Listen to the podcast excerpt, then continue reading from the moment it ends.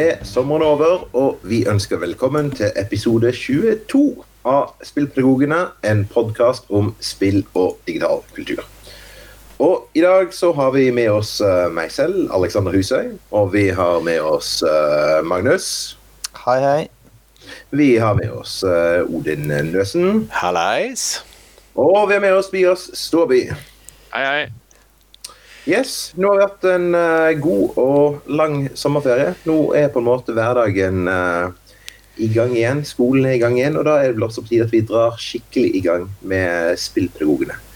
Så hva er det egentlig vi er opptatt av for tiden? Så Magnus, hva skjer på din front?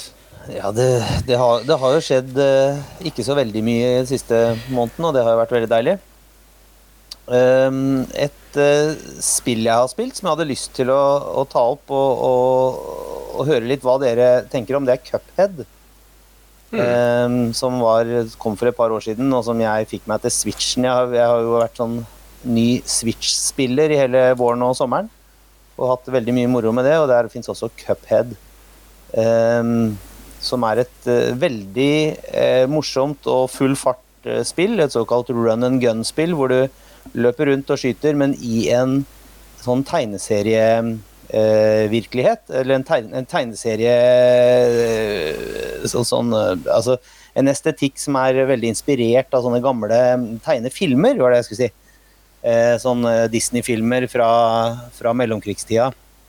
Sånn eh, de tidligste Mickey Mouse-filmene og sånn. Og og det er så morsomt, det er så visuelt morsomt og heidundrende artig at selv om vi Vi spiller altså toplayer, eh, kjæresten min og jeg. Og selv om vi ikke får til noen ting, fordi det er kjempevanskelig, så syns vi det er så gøy at vi aldri slutter. Og det syns jeg er en sånn morsom ting å tenke litt på, for man, vi snakker jo om det her at, at øh, veldig mye i, liksom, i spillteorien at, at liksom endorfinene kommer av at man får masse billige poeng og masse Man kommer videre og, og, og får ikke sant, type likes, eller hva jeg skal si. altså Man får en, ulike typer belønninger underveis. Her får du ingen belønninger i det hele tatt. Du må bare starte på nytt hver gang du misser, og det gjør vi omtrent hele tida. Vi kan sitte en hel kveld uten å klare noen ting, men så syns vi likevel det er et fabelaktig spill etter ganske lang tid. Ganske mange spilltimer. Får du ikke lyst til å kaste mikroen i Switch? Nei, mikroen i Switch, ja. Hallo. Switchen i mikroen? Så Nei, har du jeg, har bare, jeg har bare lyst til å prøve en gang til. Er det Jeg har en hypotese om at det er fordi, fordi du spiller sammen med samboeren at det er så gøy. Ja, det kan, kan være. Jeg har en hypotese om at det er derfor det er så vanskelig, for at vi må ta hensyn til hverandre hele tiden. Og det hadde vært mye lettere for meg å bare kjøre på Ja, ja. i, Ja, i, i, eh, i single player-modus. Men, Men- Er det, er det, to, er det, to, og det er to player òg, ja? ja, det er sånn lokal eh, toplayer, Nett, ja, nettopp. Som man kan samarbeide om å skyte de slemme, liksom. Mm. Delt forhold jeg har til Cuphead. Der har sett en del, altså, har sett en del memes på Reddit eh, som da går på at det er dritvanskelig å spille. Så når, eh, når Magnus sliter det, Jeg tror ikke at han trenger å skylde på samboer, eller at du trenger å skylde på samboer eller Tobias. Nei. Men jeg, jeg, jeg tenkte ikke å sitte og være at grunn, grunnen til at det er kjekt, og ikke frustrerende og Ja. Ja. Men det er, det er jo veldig kjekt å sitte, sitte og spille sammen, og det er jo en, en hyggelig ting. Det har vi anbefalt før på denne podkasten. ja. Mm. Som, en- Mm. som en fin kjæresteting. Men, men eh, Ja, nei, det, det- jeg får litt sånne tanker om, om nettopp alt man tror man vet om, om eh, spillmekanikk, om hva som egentlig inspirerer og sånn. Vi kan si hva vi vil om det, men plutselig kommer det et spill hvor, hvor alle disse reglene brytes på Mm. skammelig vis, hvor vi bare er tapere hele veien Mm. gjennom. Men, men det er så flott visuelt og morsomt lagd at vi bare syns det er gøy allikevel. Mm. Og det ser jo helt utrolig kult ut. Ja. Det, det må da, alt må da vitterlig være håndanimert. Ja, det, det vet jeg. Det husker jeg ikke. eh, Husker jeg, ikke. jeg leste litt om det da det kom, men det kom vel i 2017, eller kanskje Ja, det er, før? var det i fjor? Ikke sikker. Ja, jeg vet, I hvert fall så er det det, det at, at vi spiller det nå, det er ikke fordi det er noen nyhet, da. Mm. Men, eh, men det fikk ganske mye oppmerksomhet, og, det var, og det er vel fortjent. Altså, det er et veldig godt spill. Jeg tror jeg vil anbefale folk som ikke, ikke vil spille det umiddelbart, å, å ta en titt på YouTube eller noe sånt og se på det, for det, mm. det, er, så, det er så pent. Det er så Mm. fint. Mm. Så, men så er det en annen ting òg jeg, jeg, som jeg gjerne ville snakke litt om. Og det er noe som ikke har skjedd ennå, men jeg bare ser nå i disse valgtider så ser jeg at uh, NRK har en veldig spennende uh, vinkling på, på eh, valget, eller en, en sånn happening som skal skje på valget. Og, og, um, og det er den 30. august, så vi må få ut denne podkasten i tide før det. da. Eh, hvor de skal spille City Skylines, som er et sånt byutviklingsspill. Ja. Eh, og har lagd eh, sånne digitale versjoner av Narvik og Molde og Hamar. Og, og eh, har da noen lag og noen liksom, sånn reelle kommunepolitiske utfordringer. Og så har de noen lag av gamere og kjendiser som skal prøve å, å løse disse oppgavene på best mulig måte på, i en TV-sendt uh, sånn greie. Og det, det syns jeg hørtes ganske gøy ut. Og da, fikk jeg, da ble jeg veldig nysgjerrig på om noen av dere kjenner dette spillet, eller har, har spilt det. Det har nemlig ikke jeg gjort sjøl. Ja. Og, og, og hva dere tenker om det. Jeg, jeg har snust på det som en sånn eh, litt sånn penere utgave av SimCity. Og bedre. Ja, og bedre. Men, men jeg har ikke spilt det noe sånn i særlig grad, annet enn at eh, jeg registrerer at det ser kjekt ut, pent, og at det er mer komplekst enn SimCity. Men eh, førsteinntrykket mitt er at det fremdeles bygger på en litt sånn amerikansk modell av byutvikling. Mm. Det er for så vidt en, en veldig interessant og litt sånn high level spillpedagogikk, holdt jeg på å si. Og analysere et spill som City Skylines for eventuelle liksom, hva skal vi si, ideologiske innebygde ideologiske vinklinger eller eh, antagelser eller hva det måtte være om hvordan et, samf et bysamfunn fungerer, f.eks. Mm. Altså, det mest, det mest tydelige Nå skal jeg ikke si at jeg vet det akkurat om, om City Skylines, uh, men SimCity var for så vidt med det i forhold til dette med kriminalitet. Uh, for amerikanerne har en tendens til å plassere en politistasjon sånn i hvert kvartal. Eh, og, hvis, og hvis du ikke gjorde det i spillet, så får du høy kriminalitet fordi det er ikke nok politistasjoner. Mens, Ja. mens i Norge så er jo det bare en sånn utopi. Altså, det er jo nettopp det som er problemet, at, at hvilke konsekvenser Det er veldig spennende å spille et sånt spill og se hvilke konsekvenser som uh, uh, dine valg får. ja. Men vi må ikke glemme at de er programmert av noen, og at de har en bestemt de som har lagd det, har en bestemt forestilling om, om konsekvenser og har lagt det inn. Ja, og, og, Mm. og det er jo litt det som, som du sa, Tobias. altså På en måte så er det jo spennende, for du får en sånn high level metasamtale. Krever litt av elevene uh, i forhold til at de kan faktisk bygge opp og se Får du Stavanger, Bergen eller en mindre by til å fungere sånn som du kjenner den? Mm. Med å bygge den i et amerikansk spill som kanskje kjører andre modeller, og så snakke om det, rett og slett. Ja, ja. Og det, det er jo litt sånn trekke parallellen, det er jo en veldig enkel parallell i forhold til Spent, Play Spent, dette webspillet, der du skal leve, overleve i 30 dager, og så på en måte, etter elevene har spilt det, snakke om er det sånn i Norge? Mm. For, for, for, for der er jo forskjellen veldig tydelig. Og så må vi legge til at dette er en, hva skal vi si, en veldig ikke særlig autentisk måte å spille City Skylines på. En som virkelig hardcore City, spiller City Skylines, vil jo eh, tenke på målene innenfor spillet og tenke på liksom, hvordan bygge den kuleste byen. eller hvordan Man altså man vil jo gjerne angripe dette som noe som ikke har noen virkelighetsnære konnotasjoner. på et vis. Ja, det ser ut som en by og bla, bla, bla, og det kan til og med se ganske kult ut, men det er ikke sikkert at man vil tenke på den byen man lager. em, i relasjon, eller sammenlignet med den byen man bor i, f.eks. Det er mange, der er mange det er mange bruksmønstre det prøver å si at det er ganske mange bruksmønstre og måter å engasjere seg med i et spill som City Skylines på, uten å nødvendigvis gå de normative elementene for spillet i nærmere i sømmene. Ja.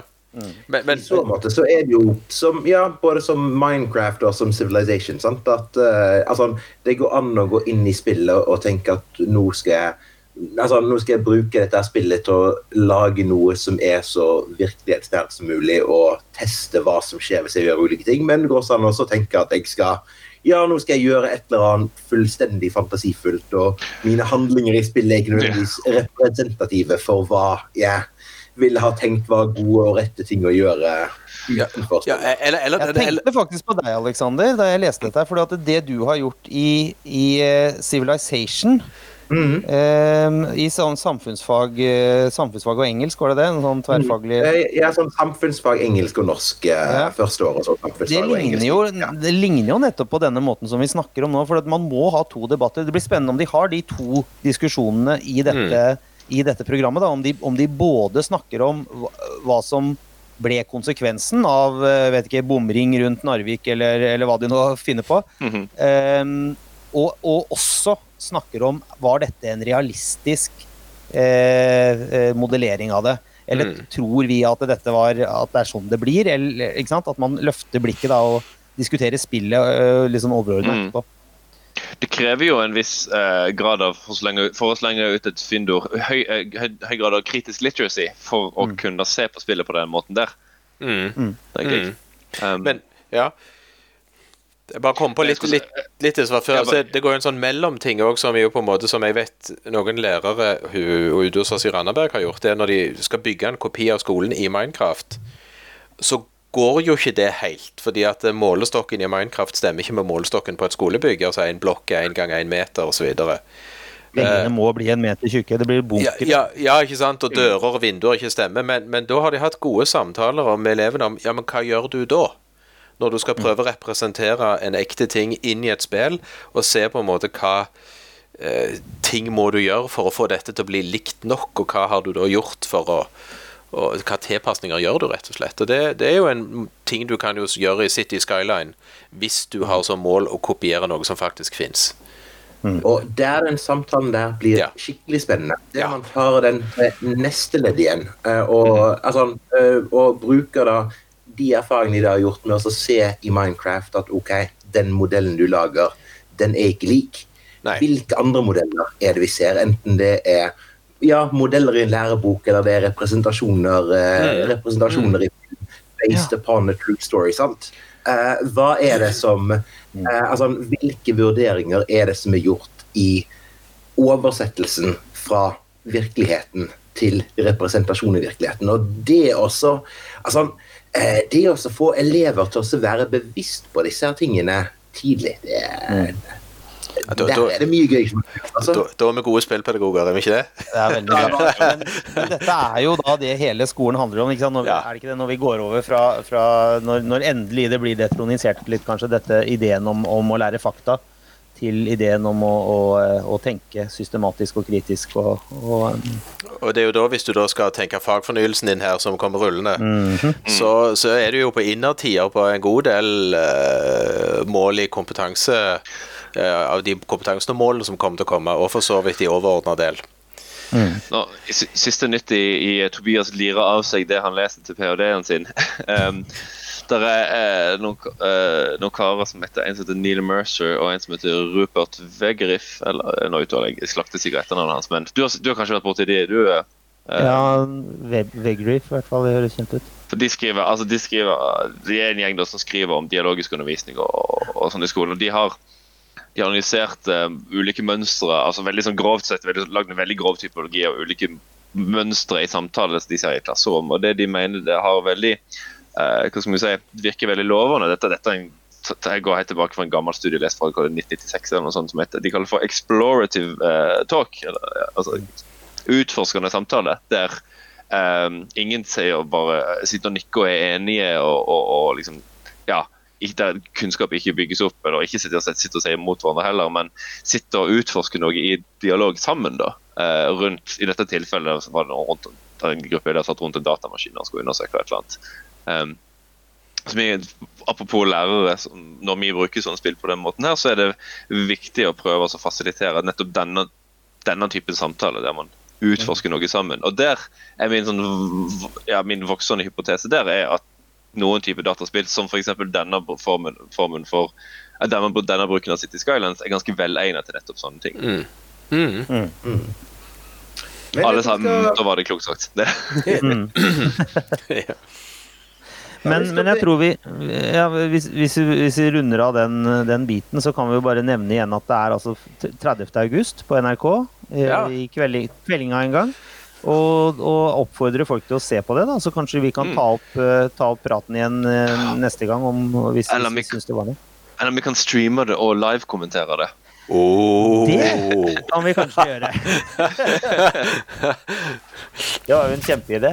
Litt sånn som sånn castere som snakker opp på vet ikke, en e-sportturnering eller annet sånt. Kan caste, live-caste. Få den opp på Twitch, liksom. Ja. jeg er litt seriøs der òg, faktisk. Ja, Vi, men vi får si følg med, følg med. Vi, ser, vi prøver å skramle sammen og sånt, og så ser vi hva vi får til. Så lanserer Ja, men- vi det på blogg og, og Facebook-side osv. Om, om, om vi gjør det. Ja, og, uh, men uh, jeg tenker jo bare sånn ehm, uh, at, nå, nå bare tenker jeg litt høyt og spontant her, men altså, nå, uh, som sagt, nå er det jo ingen av oss vi er noe videre eksperter på City Skylines, men når vi har sett dette her, eh, og vi har sånn, og hvis dette er noe som er, har potensial for, eh, for skolebruk Jeg tenker vi må bare eh, kjøre på oss og oppfordre noen lærere til oss å teste dette ut i klasserommet også. For det Jeg har jo, jeg har jo spillet med x antall expansions. Jeg har bare ikke spilt så mye. Ja, det, det ligger i lista mi òg, for å si det sånn. Mm. et fenomen. Men nå går vi videre. Og eh, nå på sensommeren, mens jeg satt uh, her i Bergen og så regnet hølje ned, uh, så var du, Tobias, langt ute i verden. Hva har du gjort i Ja. sommer? Jo, jeg har hatt en, en, en ganske rolig juli, men en litt mer hektisk august. Jeg har nemlig vært på Digra 2019. Eh, Ja. de, de, Digra det står for Digital Games Research, Research Association. Det ble starta helt tilbake i 2003, og har siden da det er da en, en internasjonal, en, den største internasjonale spillforskerkonferansen der finnes, så vidt uh, altså meg bekjent.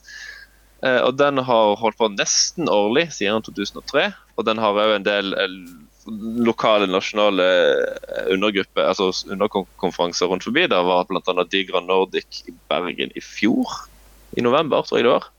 Um, I år var det Japan, så jeg har flydd langt, og lenger enn langt, for å delta på Digra 2019, som var fra, det var fra 6. til 10. august. var det. Der var jeg tatt opp på noe som heter Doctoral Consortium, som egentlig bare, som er at man møter andre stipendiatere for rundt forbi, presenterer prosjektet sitt, og så er det da to eh, litt mer røynde forskere som gir deg feedback eh, på, program, på prosjektet ditt. Så vi fikk 20 minutter hver til å presentere, 25 minutter hver til å presentere og få feedback fra, fra salen og sånt. Det var veldig nyttig og veldig ålreit eh, arrangement. Og så var jeg på et lite workshop med eh, Espen Aarseth og en kollega der de test, skulle teste ut en eh, metaontologisk modell over ja, store, de bruker store ord her, over forskjellige spillkonsepter. og De skulle foreta noe de kalte for ehm, eh, metodologisk tri triasje, tror jeg han kalte det for. Altså Man skulle teste forskjellige konsepter forbundet med spill og vurdere om de var eh, reddende, om de, at de ikke, trengte, om de ikke trengte, trengte redning, om de måtte reddes, eller om de var døde. Gruppa mi fikk da oppgave å diskutere space, altså rom i dataspill. Vi, et, et, ja, erklærte rom rommet var dødt, rett og slett. Det var beyond salvation. Fordi det var så tvetydig og vanskelig å definere at vi måtte, man måtte liksom være mer presis i hva, hva slags type rom er det man snakker om. Er det liksom en slags mer abstrakt, fiktivt rom? Er det typo, topo, topologisk rom? Eh, ja, osv. osv. Det, det høres ut som du hadde det kjekt. Ja, og dette var bare første dagen. ja. Ellers eh, så var, var det forskjellig Det var ikke så veldig mye spill i skolen, serious games-ting, men det var noen, noen, noen høydepunkter. Det første høydepunktet var en, eh, en, en herre fra India som heter Sandeep Atavale. Igjen, ut, uttaler sikkert det feil. Han hadde han presenterte et prosjekt der han og, kollegaene hans de forsker på eh, en slags modell og en strategi for, for å lage serious games, eller for å lage educational games. Og Han presenterte noe som var nytt for meg. Endo- Endogenous game design, kalte han det. Det er altså spilldesign der man tar utgangspunkt Der man lar reglene eller mekanikkene i spillet være informert av blir lagd ut ifra temaet du vil se for deg, eller det elevene faktisk skal lære. At, at det er ikke en mismatch mellom content og mechanics, sånn som vi vanligvis er vant til, men at, eh, at spilldesign er ganske direkte informert av læringsmålene. Så da måtte jeg rekke opp hånda og si til han jeg har mista litt trua på Education Educational Games ganske lenge, men du har liksom gitt meg litt håpet igjen. Eh, eh, for han, altså- han hadde hjertet på rette stedet, rett og slett. Mm. Ja, sånn, eh, sånn, eh, hvilket begrep var det du sa han uh, brukte for å omtale dette her? Endogenous. endoge, men det har Kurt Squire snakka om òg. Ja, har ikke det? Endogene og eksogene Ja. spill. Ja. Ja, for Han kom med en ganske del eh, gode eksempler på ja, eh, både endogen og eksogen spilldesign. Også, det, Problemet vi har, er at det er altfor mye av det sistnevnte. Dår, dårlige i hermetegn. Ja. Design. Så det var kjempespennende å høre på. Så var det mm, en annen, en australsk herre som heter Alexander Bakalia. Bakalia. Ja. Eh, fra universitetet i, fra eh, Melbourne Graduate School of E- Education. Han har jeg tenkt å sette i hvert fall deg i kontakt med, Alexander. Han forsker på en del eh, på en skole i Australia, jeg tror det er i Melbourne. Det er, der ledelsen for skolen har rett og slett sagt at alle engelsklærerne skal bruke 'never alone' i litteratur, litteraturundervisninga. Ja. Det- Mm. Uh, og et, jeg husker ikke jeg, jeg, tallet, Hukommelsen min sier at det var snakk om 13 lærere. Jeg er ikke sikker på at det var så mange. Men han har da i hvert fall eh, for det første gått ut og, hjulpet de i gang. altså rent sånn spill, Spillpedagog. Vært litt spillpedagog for den skolen her, Men så har han jo forska på disse lærerne og eh, intervjua de og filma undervisninga deres osv. Og det han annet fant ut var at de lærerne som var litt sånn, rynka litt på nesa av hele prosjektet og opplevde at de ble tvunget til dette, her, de brukte spillet som en slags belønning når elevene hadde gjort den ordentlige læringa. Mens de uh, lærerne som er litt sånn som det ja, litt mer sånn som, sånn som lærere som vi er, de hadde omfavna spillet fullstendig og, og, og bakt det virkelig godt inn i hele det eh, undervisningsforløpet. Så jeg, ja. Jeg, jeg, jeg bare kan bryte inn det. Sånn, sånn at uh, disse her 13 lærerne sånn, fikk, altså, fikk de beskjed nå skal dere bruke Never Alone eh, og gjøre hva dere vil med det, eller, altså, eller leverte han det med en pakke, og så kunne de velge å gjøre det på etter en modell som han har uh, satt opp, eller gjøre hva de vil, eller Nei, var det føringer? Jeg husker ikke helt konkret, men jeg, tror ikke, jeg, jeg, tror, jeg er ganske sikker på at han ikke hadde en sånn ferdig undervisningsopplegg for dem. Nei, jeg tror nok, jeg, tror, forsto det sånn at de kunne spille det sånn som, altså, sånn som de følte for, uh, med nok forholdsvis frie tøyler. Poenget var at de skulle bruke det. i hvert fall. Mm. Yeah. Um, ja, og Han, han snakka en del om, om, om Han brukte liksom Bourdieu sine begreper om dette med eh, kulturell kapital og habitus, og, og slags, eh, på hvilken måte læreren sine, sin spillkulturelle kapital, om vi kan kalle det det, og læreren sin habitus påvirka eh, måten de brukte spillet på, eller måten de ikke engasjerte seg i spillet på. Mm. Eh, så ja, det har jeg vanka en del med han i lunsjen og, sånt, og, og masse interessante samtaler med han. Og så var det én ting til. Jo, jeg fikk høre et foredrag av Gordon Kaleha. Um, der han snakker om, om eh, mekanikker i brettspill som var mer for å støtte sånn, sånn emergent narratives. Så det skled jo rett inn i min bok. Han fikk, han, fikk, han fikk jeg òg plagd litt etter eh, foredraget hans var ferdig. Han hadde en ganske fin sånn jeg, jeg har ikke peiling på narratologi, så mye av dette var jo øh, ekstra interessant for meg. fordi at jeg kan så lite om det. Men han snakker da om, og han tok utgangspunkt i det, det han kalte det som heter en um, eh, hva det er kognitivistisk narratologi. altså ideen at for, for Narrativen er først og fremst noe som dukker opp i hodet på den som leser, ser, spiller, whatever. Ikke noe som finnes liksom eksternt utenfor sinnet i, inn mellom permene på boka, eller hva det måtte være. Så han sier da at, at, at emergent narrative er da, altså, er da skapt av en sekvens av visse element, narrative elementer i spillet som kan, gjerne kan komme i helt forskjellige rekkefølger fra spiller til spiller, men at disse er da designa med intensjonen av at dette, her skal det opp, disse puslespillbitene skal da dukke opp en ofte, gjerne ganske personlig narrativ, sånn som hvis du spiller Skyrim f.eks., så kan jo veldig mye forskjellige ting skje. Men at dette var noe annet enn for det å gjenfortelle det som skjer under en fotballkamp, det var ikke en narrative. fordi at fotball, fotball er ikke designet for å at du skal få en fortelling i hodet ditt. Altså at det, han, jeg gjengir det veldig mye mer klossete enn han gjør det, selvfølgelig. Men han hadde en ganske um, han, han sendte meg et par artikler etterpå som jeg skal lese litt, for jeg lurer på om ikke dette har noe med litt, litt overlapping med måten eh, mine elevene og lærerne jeg studerer engasjerer seg med The Walking Dead på. At de engasjerer seg med det på et narrativt nivå, ikke på et spillmekanisk nivå. Um, Ja, men uh, emergent narratives, da. Altså, blir det da noe som er unikt for spillmedier? Sånn at kan du ha en roman med en emergent narrative? Det må i så fall være en såkalt så choose your own adventure. For det er en skille mellom embedded narrative og emergent narrative. Embedded Mm. narrative er altså den, den, den, uh, ex, den, den narrativen som er litt sånn eksplisitt, som er en ferdigbygd der, der alle hendelsene kommer i en sånn ferdig definert sekvens, f.eks. Mens ehm, er jeg, eh, jeg og noen venner hver gang vi har spilt et brettspill som heter Nemesis, det tror jeg jeg har fått snakket om før. Det er basically Alien the Movie, bare brettspillet. Og Hver gang vi har spilt det, så har vi sagt dette kunne vært en film. dette kunne vært en film. Men det har skjedd forskjellig hver gang. Men det er ut ifra de samme på en måte um, narrative ressursene, om vi kan kalle det det. Men hvis du, Så- hadde tatt, ja. ja, altså, hvis du hadde tatt en roman med eh, type uendelig tolkningsrom, at hver setning i romanen kunne tolkes på et eh, utall måter, eh, og dermed din forståelse av romanen ville vært Altså, eh, den historien du hadde oppfatta, er en annen historie enn den jeg hadde oppfatta. Men det er ikke en tolkningsprosess.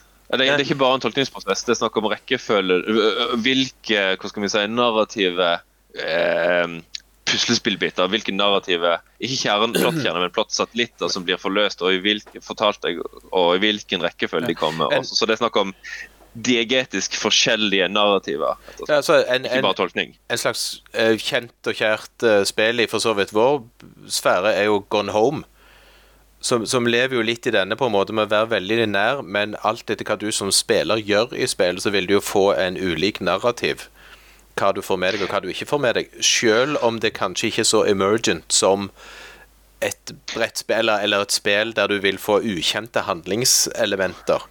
Jeg tror ikke jeg ville kalt Gone Home, det som skjer i Gone Home en emergent narrative. Det er, det er mer embedded narrative fordi at du har mange flere plottkjerner som blir forløst i mer eller mindre den samme rekkefølgen hver gang du spiller. Det er kanskje ikke alle plottsatellittene, altså de som ikke er sentrale for plottet, som du oppdager. Men rekkefølgen av plottkjernene i en gjennomspilling av Gone Home vil som regel være den samme i veldig mye større grad enn f.eks. Skyrim. Ja, Fikk du spist noe sushi, eller, Tobias? Kommer Magnus, Magnus og Magnus og Katte i i uh, disku. Nei da. um, jeg fikk spist forholdsvis lite sushi, men jeg spiste en del ramen. Som er kjempegodt. ja, det er godt. Uh, ja, altså, KB- KB-biff? Ikke KB-biff, nei. Det var, fikk jeg ikke anledning til. Men det tror jeg eh, hadde sprengt budsjettet mitt. Jeg spiste noe annet biff som jeg var ganske skuffa over, som visstnok også skulle vært veldig digg. Men eh, det, var, det, ligner, det, ligner, det er litt sånn som, Bi- fikk litt sånn Big Mac-flashback. det ligner ikke på bildet. Nei. Uh, men ellers så Nei, i Japan var, var jeg var stort sett på det her uh, philosophy and critique-sporet. Det var masse forskjellige paralleller parallelle spor, kjempestor konferanse. Og veldig mye av det er jo utafor min forståelseshorisont, men kanskje derfor er derfor ekstra kjekt å, å høre på. Jeg er jo mye, jeg har jo alle sikkert en tendens til å gå på kjente og kjære spor når vi er på konferanser. Mm. Um, Men å bruke sommerferien på metaontologi, Tobias, det syns jeg det står respekt av. Takk for det.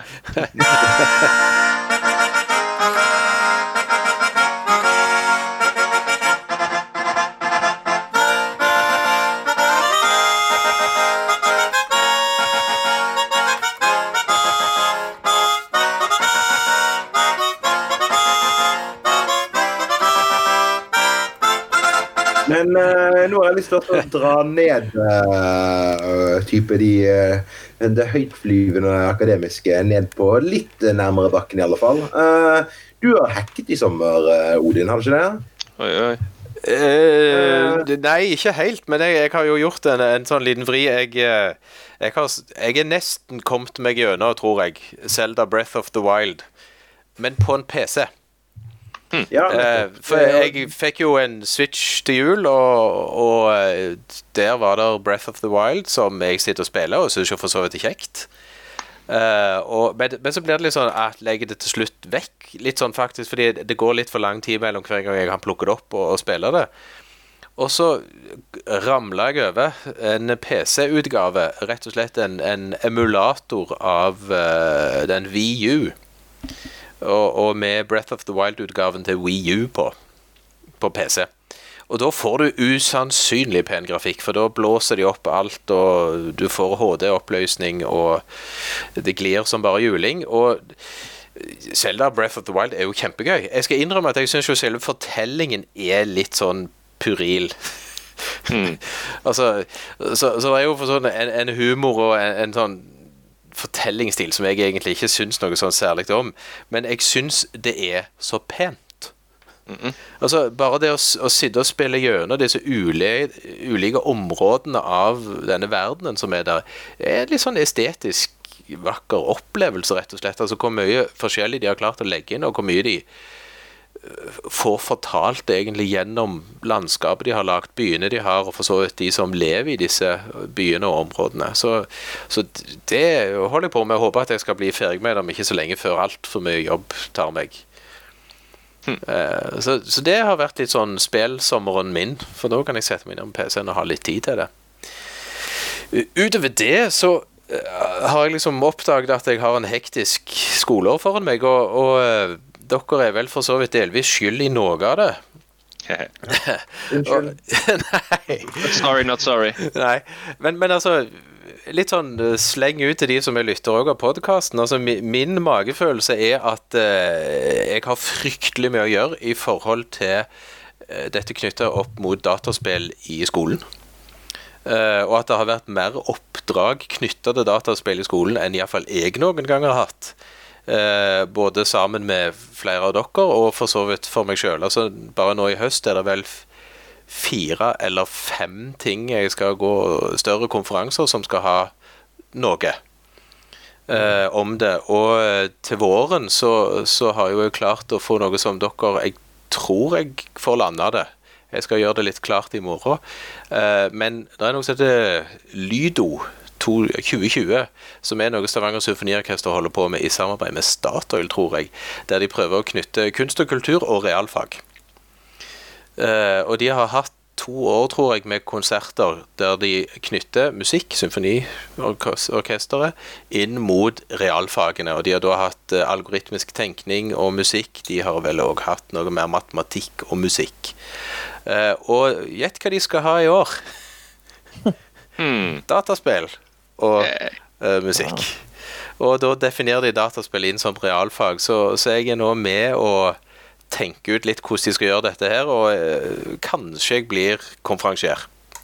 Oi, oi, er oi. Ja, så, så den, den står litt høyt, syns jeg. Den gleder jeg meg til. Fordi at var plutselig så var det noen som oppdaget Hei, det er noen som holder på med speil i skolen. Hei, han er visst musikkutdanner òg. Vi kjenner han jo kanskje. Mm. Så, så den blir gøy. Og så er det jo alle disse tingene som vi vel òg har med Kompetanse Norge i forhold til vo- voksenopplæring, som jo Aleksander, Alexander, Halvor og meg har vel rota oss borti. Og så er det bok på gang, med litt av de samme, pluss Tobias. Og, eh, og så har vi òg denne Nordic Edge Knowhow EdTech som òg skal ha en runde om dataspill i skolen. Og skolemøtet i Rogaland skal ha om dataspill i skolen. eh, Og så videre og så videre. Så, så det, det baler på seg, og det er litt gøy. Ja. Eh, Det er vel litt Jeg, sånn jeg, tror ikke du, jeg tror ikke du skal være redd for å, å la det på en måte være pulsen på interessen for å spille i skolen. Litt i grunnskolen så tar jeg nok den. Fordi at det er det som skjer, dess mer oppmerksomhet det får. For det er jo en del oppmerksomhet rundt disse spillrommene. Ja, ja. som, som har dukket opp på no, noen skoler. Uh, og så blandes det litt opp mot type sånne future classroom-tenking, der det ikke nødvendigvis er en hel haug med spillemaskiner, men det er noen, og VR og litt programmering og litt sånne ting.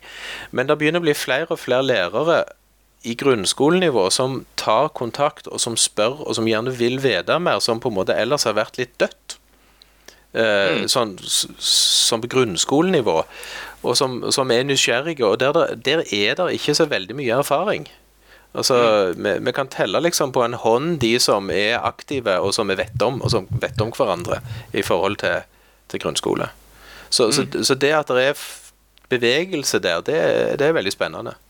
ja. En interessant endring som jeg har merka nå, eh, en egentlig, altså noe som har skjedd litt gradvis i løpet av de siste to årene, det er at eh, altså, en henv altså en henvendelse som jeg har fått, det har uh, beveget seg gradvis uh, altså beveget seg gradvis fra Hei, jeg er en ny lærer og jeg har lyst til å gjøre noe med spill, men jeg vet ikke hvordan jeg skal få eh, sjefen min til å gå med på dette. her til flere og flere Hei, sjefen min sa at eh, du vet noe om spill. Eh, kan du hjelpe meg å komme i gang? Ja, det, det, Og det, det, altså, det Sånne ting, det er en viktig endring. Ja, Det er den ene. Den andre som jeg òg har merket, det er at eh, de, det er flere som begynner, når de tar kontakt, å skjønne at det er forskjell mellom læringsspill og vanlige dataspill. Er. At, at de, de skjønner at ja, vi vet om disse læringsspillene, vi har prøvd de, men, men nå er det noen som snakker om disse vanlige dataspillene. Og, og på en måte kommer inn via den vinkelen og vil gjerne høre mer om det. Så, og, og, i- men selvfølgelig utfordringen hos oss i grunnskolen er jo tode, eller todelt. Den ene er jo for så vidt klassisk med den hos dere i videregående skole òg, som, som handler jo om at lærerne spiller ikke spill. Så det er liksom en liten ref, lite referanseramme å ta, for de må lære å spille litt spill. Og, og bli vant med noen av de, og kanskje noen da tør å ta det steget ut videre. Den andre som er kanskje en større utfordring, det er jo den tekniske. Vi må ha noe å spille spillene på. Eh, og, og, og i en skoleverden der det stort sett er enten iPader eller Chromebooker i grunnskolenivå, så, så er det noen utfordringer som må løses på et eller annet plan. Uh, enten med å lage rom for spill, type rom, eller det som jeg leker med hjemme, denne å ha en sånn skyløsning for spill. Som bare jeg ville ha sagt, bare sånn på sidelinja, begynner å funke usannsynlig godt. Jeg har tatt med bare en Chromebook rundt omkring når jeg har reist litt rundt, og så bare Funker det i Danmark? Funker det på det hotellet her? Funker det der? Og så gjør det det. Og det er litt kjekt på en Chromebook. Uh, og, og, og, og det å på en måte få det Og så er jeg litt spent ennå på Google Stadia. Jeg mm. har bestilt det, så jeg får det jo i november når det kommer. Ja. Uh, og se om de klarer å bygge opp et bibliotek, eh, og om de lager en edu-utgave. For gjør de begge de to delene der, så er det noe som kan bety mye for dataspill i skolen, iallfall på grunnskolenivå. Det er veldig kult Det er veldig kult den jobben du gjør med de tinga der, Odin. Men, men jeg tror jeg, jeg tror hvis um, Jeg tror det er litt viktig også å si til alle som lurer på dette med dataspill i skolen, eh, at det må ikke handle om utstyr. Altså Utstyr må ikke være en begrensning, for man kan legge Nei. opp til spilling hjemme, spilling på egne enheter, inkludert telefoner. Altså man kan, Mm. hvis man hvis man kjenner eh, hvis- man liksom har en vei inn og et mål om, en faglig mål og mening og en forståelse av spill, så kan man gjøre veldig mye. da. Ja. Eh, uten at man trenger å ta, eh, ta den økonomiske diskusjonen med skolelederen sin i det hele tatt. Ja. Ja, ja, altså, øh, ikke uenig, og det som jeg har sagt en del når jeg har snakket litt sånn rundt nå i det siste, er jo på en måte å vise disse enkle løsningene i forhold til de nettleserspillene som faktisk finnes. Eh, og det er spill du kan spille på én maskin i klasserommet. Altså som en sånn inngangsvinkel til dette. Men selvfølgelig, det er kjekt å kunne spille Gone Home en hel klasse, eller iallfall at du er to og to elever på én maskin og spiller det sammen, og at de kan ta det med hjem eller være igjen på skolen og sitte og spille det. Eh, og, og få med de opplevelsene som, som der du må nesten sitte foran maskinen og kunne spille gjennom et helt spill. Det er jo helt fabelaktig. Jeg hadde jo i min, i min for, for mange år siden så, så, um, så hadde jeg veldig gode sånn, ting jeg har snakka om eh, etterpå, erfaringer med, med at elevene hadde med seg spillkonsoller på skolen, og sammen fant vi ut så jeg, tok jeg med alt jeg hadde av plugger og, og overganger, og så fant vi ut hvordan vi skulle få en prosjektor kobla på eh, PlayStation og på en liten vegg, og så, så var vi i gang med noen, ikke sant? Mm. Og da var det, da var det liksom eh, vår variant av, eh, av kakelotteri. Altså at, at alle hadde med og bidro, og, og, og så ble det noe av det, liksom. Mm. En guttunge som gikk hjem og løp hjem og fikk kom tilbake med en TV. Ble kjørt av pappaen sin tilbake igjen til skolen. Han, han løp hjem i storfri, for vi mangla en sånn projektor, da. Eh, Men, men det ordna seg, liksom. Og, ikke sant? Det litt sånn do it yourself på et sånn, veldig sånn enkel, enkelt plan. Men Det, det, Så det, så- mange, det er mange veier til mål her, da. Ja, og, men det, det som jeg Igjen, nå skal jeg snakke grunnskole, for det er der jeg kjenner min erfaring og sånn sett ligger. og jeg snakker med lærerne, så Hvis jeg vil nå bredt ut, så må jeg klare å servere en løsning som når mer enn entusiastene. For en, entusiastene får det til. Altså, de, de biter på, og så er de i gang hvis de får lov. Uh, ja. Men, men, men det er de lærerne som, som Ja, hva var det? de, Må, må, jeg trykke, må jeg trykke på piltastene for å bevege, bevege meg? Ja. Og så må jeg bevege på musen samtidig. Ja, oi, oi, oi, oi. oi. Og, og da blir det liksom Hvis du skal få med de, så må du ha et rimelig klakka opplegg. Og du må ha en teknisk løsning som ikke skremmer ved deg. Altså, det er litt sånn Vi er tilbake til 1980-tallet, og hvordan virker videomaskinen? Ja. Og hvis videomaskinen ikke virker, så viser ikke læreren film. Så, så, ja. så, så, så det er noe det der med å nå bredt ut enn til bare entusiastene. Og jeg, jeg, er- jeg er bygd bredt i forhold til Jo, men, jo, det, er liksom, det ligger litt i, litt i gener. Så når jeg skal rulle ut IT i skole og sånne ting, OK, alle skal. Alle skal ha anledning, alle skal kunne delta i dette. Og da må vi ha løsninger som muliggjør at alle kan delta, og da spesielt lærerne. Mm. Jeg er, eh, det, det du snakker om nå, om dette her med, med tilgjengelighet og hva slags utstyr er det som er uh, til stede på skolene. Jeg synes det var en, eh, en kjempefin overgang til det jeg har lyst til å snakke om nå. Og det jeg har lyst til å snakke om nå, det er et eh, kortspill slash rollespill som heter Sign. Det har jeg snakket om eh, på podkasten før, og også skrevet litt om det på eh, på Spillpedagogene-bloggen. Men det som er nytt nå, og som jeg, jeg, syns er veldig spennende, at det Uh, dette spillet det har jeg nå oversatt uh, Det nå oversatt, uh, oversatt til norsk. Og det er i alle fall når uh, podkasten her er stoppet, så eh, kommer eh, både disse her kortene og en sånn liten instruksjonsbooklet om hvordan man kan spille dette, til å være i den helt fullstendig gratis nedlastbart på både spillpedagogene.com eh, sin nettside, og i tillegg på eh, nettsiden til eh, Thorny Games. Thorny Games, det er da utviklerne bak Mm. det der spillet. Og eh, nå, altså, jeg, jeg snakket litt om spillet her før, men jeg, men jeg, jeg har lyst til å bare gi en liten sånn hva dette her er for noe. Sign, det er da et eh, Ja, tro det eller ei, så hender det det at oss vi spillpedagogene beveger oss vekk fra skjermen, i alle fall en bitte liten stund. Eh, og Sign det er da et kortspill som handler om språk, og det handler om hørselshemming, og det handler om hvordan man kan kommunisere på tross av språkbarrierer.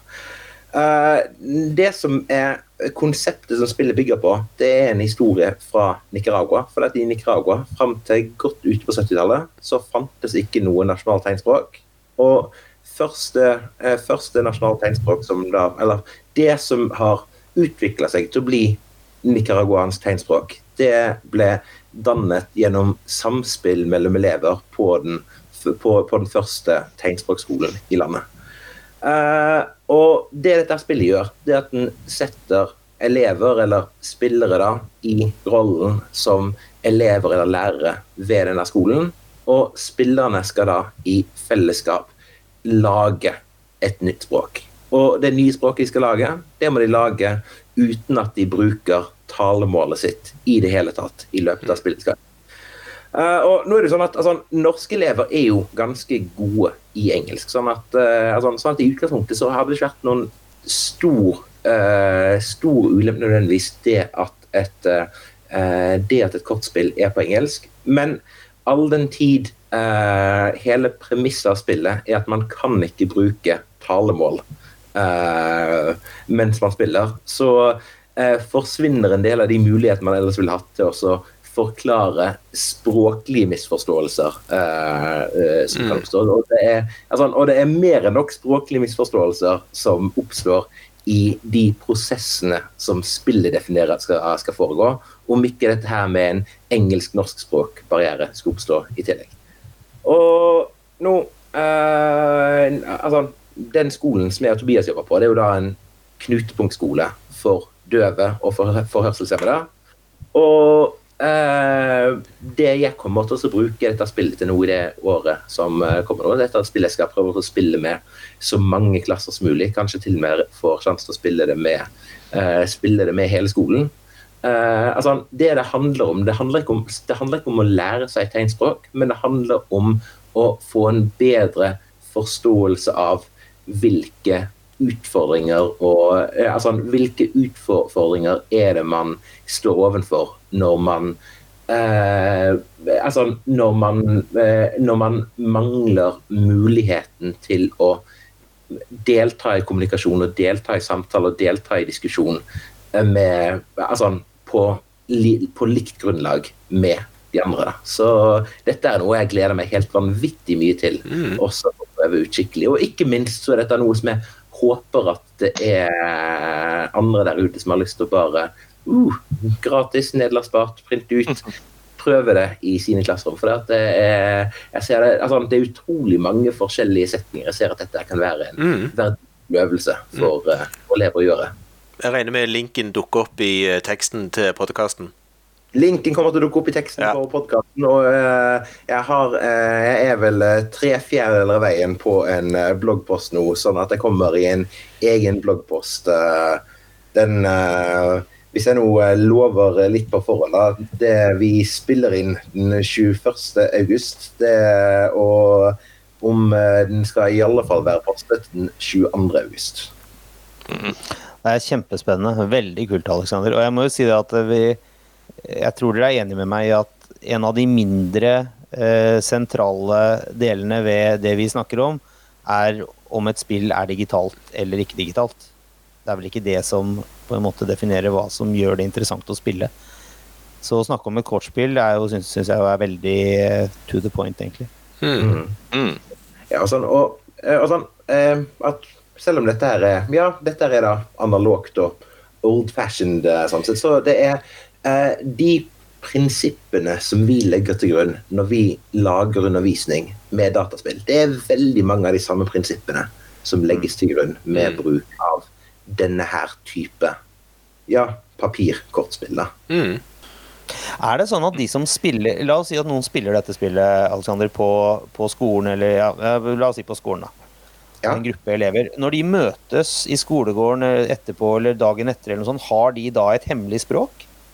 Har de utvikla et tegnspråk som bare de kan? Uh, i man, et eh, helt, helt grunnleggende tegnspråk vil de ha, ha, ha utvikla. Ja. Sånn at litt av det som uh, det er meningen at elevene skal føle på, det er at uh, eh, noen ting er lett å uttrykke, andre ting er vanskelig å uttrykke. Sånn at Mm. det det, også, altså, det å formidle 'jeg er sulten', 'jeg er tørst', 'jeg vil Altså, 'jeg kjeder meg', osv det, altså, den behøver ikke være så vanskelig selv om man eller altså, Det er ikke veldig komplisert eh, selv om man mangler et, eh, selv om man mangler et fellesspråk. Men uh, uh, hva jeg drømmer om, hva, jeg, hva som er mine ønsker for framtiden, hva, uh, hva visjonene mine er. sant? Det altså og, når, altså, og særlig idet man går inn på det eh, man, altså, man, altså, man går inn på det emosjonelle, man går inn på det spesifikke, og man går inn på ja, man går inn på det som kanskje er litt abstrakt, så, altså, altså, så opplever jeg at det fort blir fryktelig vanskelig, også, eh, fryktelig vanskelig å formidle. Og det å så kjenne litt på denne her vansken over at nå har jeg noe som jeg vil si, men du forstår meg ikke. Det er Altså, Mm. det er en opplevelse som jeg tror at alle har godt av å oppleve. Og det, det, handler ikke bare om, det handler ikke bare om hørselshemming, det handler om alle settinger hvor man av ulike årsaker har barrierer som er et hinder for kommunikasjon. Mm. Jeg kan se for meg at, at spesielt det å uttrykke abstrakte ting, ting du ikke har noen umiddelbare ressurser rundt deg som du kan peke på, eller um, på annet vis har noe veldig veldig konkret utgangspunkt for tegnene du lager, det kan jeg se for meg er nesten helt umulig i en mm. sånn setting. Ja, nei, men altså, altså, mange grupper har klart dette her fabelaktig godt, men, uh, altså, men samtidig altså, Men uh, uh, med, et, med, med betydelig færre nyanser enn det man Mhm. har man kan bruke tale. sant? Mm. Mm. Uh, men så har jeg noe, jeg har noe litt eh, digitale planer for tiden, uh, tiden framover også. da. Det, noe, eh, Keep Talking det er jo en, det er jo en favoritt, eh, favoritt eh, for de fleste av oss her på, her på podkasten. Det, det er det spillet hvor eh, man skal eh, eh, Ja, hvor man skal gjennom samarbeid klare å desarmere en bombe. Eh, og nå på, nå på fredag, det blir jo det om to dager, så ligger det på planen at eh, alle, VG, alle, alle VG1-elevene skal i løpet av en fire, eh, fire timers periode ha spilt en runde med, eh, med Keep Talking. Da er det sånn at jeg skal ha 30 elever om gangen. Så skal de jobbe fem og fem sammen. To som skal sitte og se på en skjerm med en bombe foran seg, og tre stykker som, som sitter, og leser, sitter, og leser, sitter og leser manualen. Og eh, slag i slag så skal grupper komme inn og ut gjennom, ja, gjennom disse fire timene. Og eh, se om de klarer å kommunisere godt nok til Det- å Ja. unngå å eksplodere. Da, da kan jeg komme med mitt lille metodiske C-moment i denne der, som, som jo jeg har gjort med mine elever når de spiller. Det er at etter de har spilt en runde og har forstått det, så tar du og skiller de fysisk. Plasserer de i ulike rom, og der de må finne en måte å kommunisere på. Ja. Og, altså, stort sett så er det mobil, da, men da begynner de å brøle til hverandre som er i rommet, om at de må være stille. Og så får de spørre om de kan få gå steder der de ikke blir forstyrra av de andre. Og så har jeg sagt at nei, det får dere ikke, nå må dere finne en løsning på dette. Fantastisk. Ja, Eh, og og, det, var, det var liksom en sånn for, for når du sitter i rommet eh, sammen Ok, den ene ser ikke boka, den andre ser ikke bomben. Eh, så sitter du på en måte likevel og kan kommunisere veldig tydelig med, med ansikt og hender, og, og, og du, du får en del ekstra moment som gjør kommunikasjonen enklere. Ja. Men med en gang du på en måte fysisk tar vekk den, og bare lar de bruke mobiltelefon eller et eller annet sånn, så blir kommunikasjon fryktelig mye vanskeligere. Eh, og, og, og det gjør jo for så vidt kanskje også situasjonen litt mer sånn ekte i forhold til at det, han med bombemanualen og bomben de er antageligvis ikke alltid i samme rom. Eh, så, så det er en, hvis, hvis en har anledning, Nå 360 elever går det ikke an å flytte på nødvendigvis, men, men det å ta den lille ekstra der som en sånn andre runde, tredje runde, gjør det litt vanskeligere, den er gøy. Ja. Mm. Eh, nå- for, altså, for det skal gjøre på fredag, i alle fall. nå. Så her er det ikke snakk om noen andre tredje runde. Her er det elever inn og ut. Og så uh, eh, håper på at det går bra. Men det, men én ting som til som bare er litt eh, en, en, en, som bare, bare er tøff. Nå har fått eh, altså, nå, altså, nå kommer det til å være, til å være tre lærere sammen i dette rommet som skal, som skal administrere dette her. Uh, hvor de to andre lærerne de er helt, helt, eh, helt, helt grønne med dette. Har ikke, de har faktisk ikke spilt spillet selv ennå engang.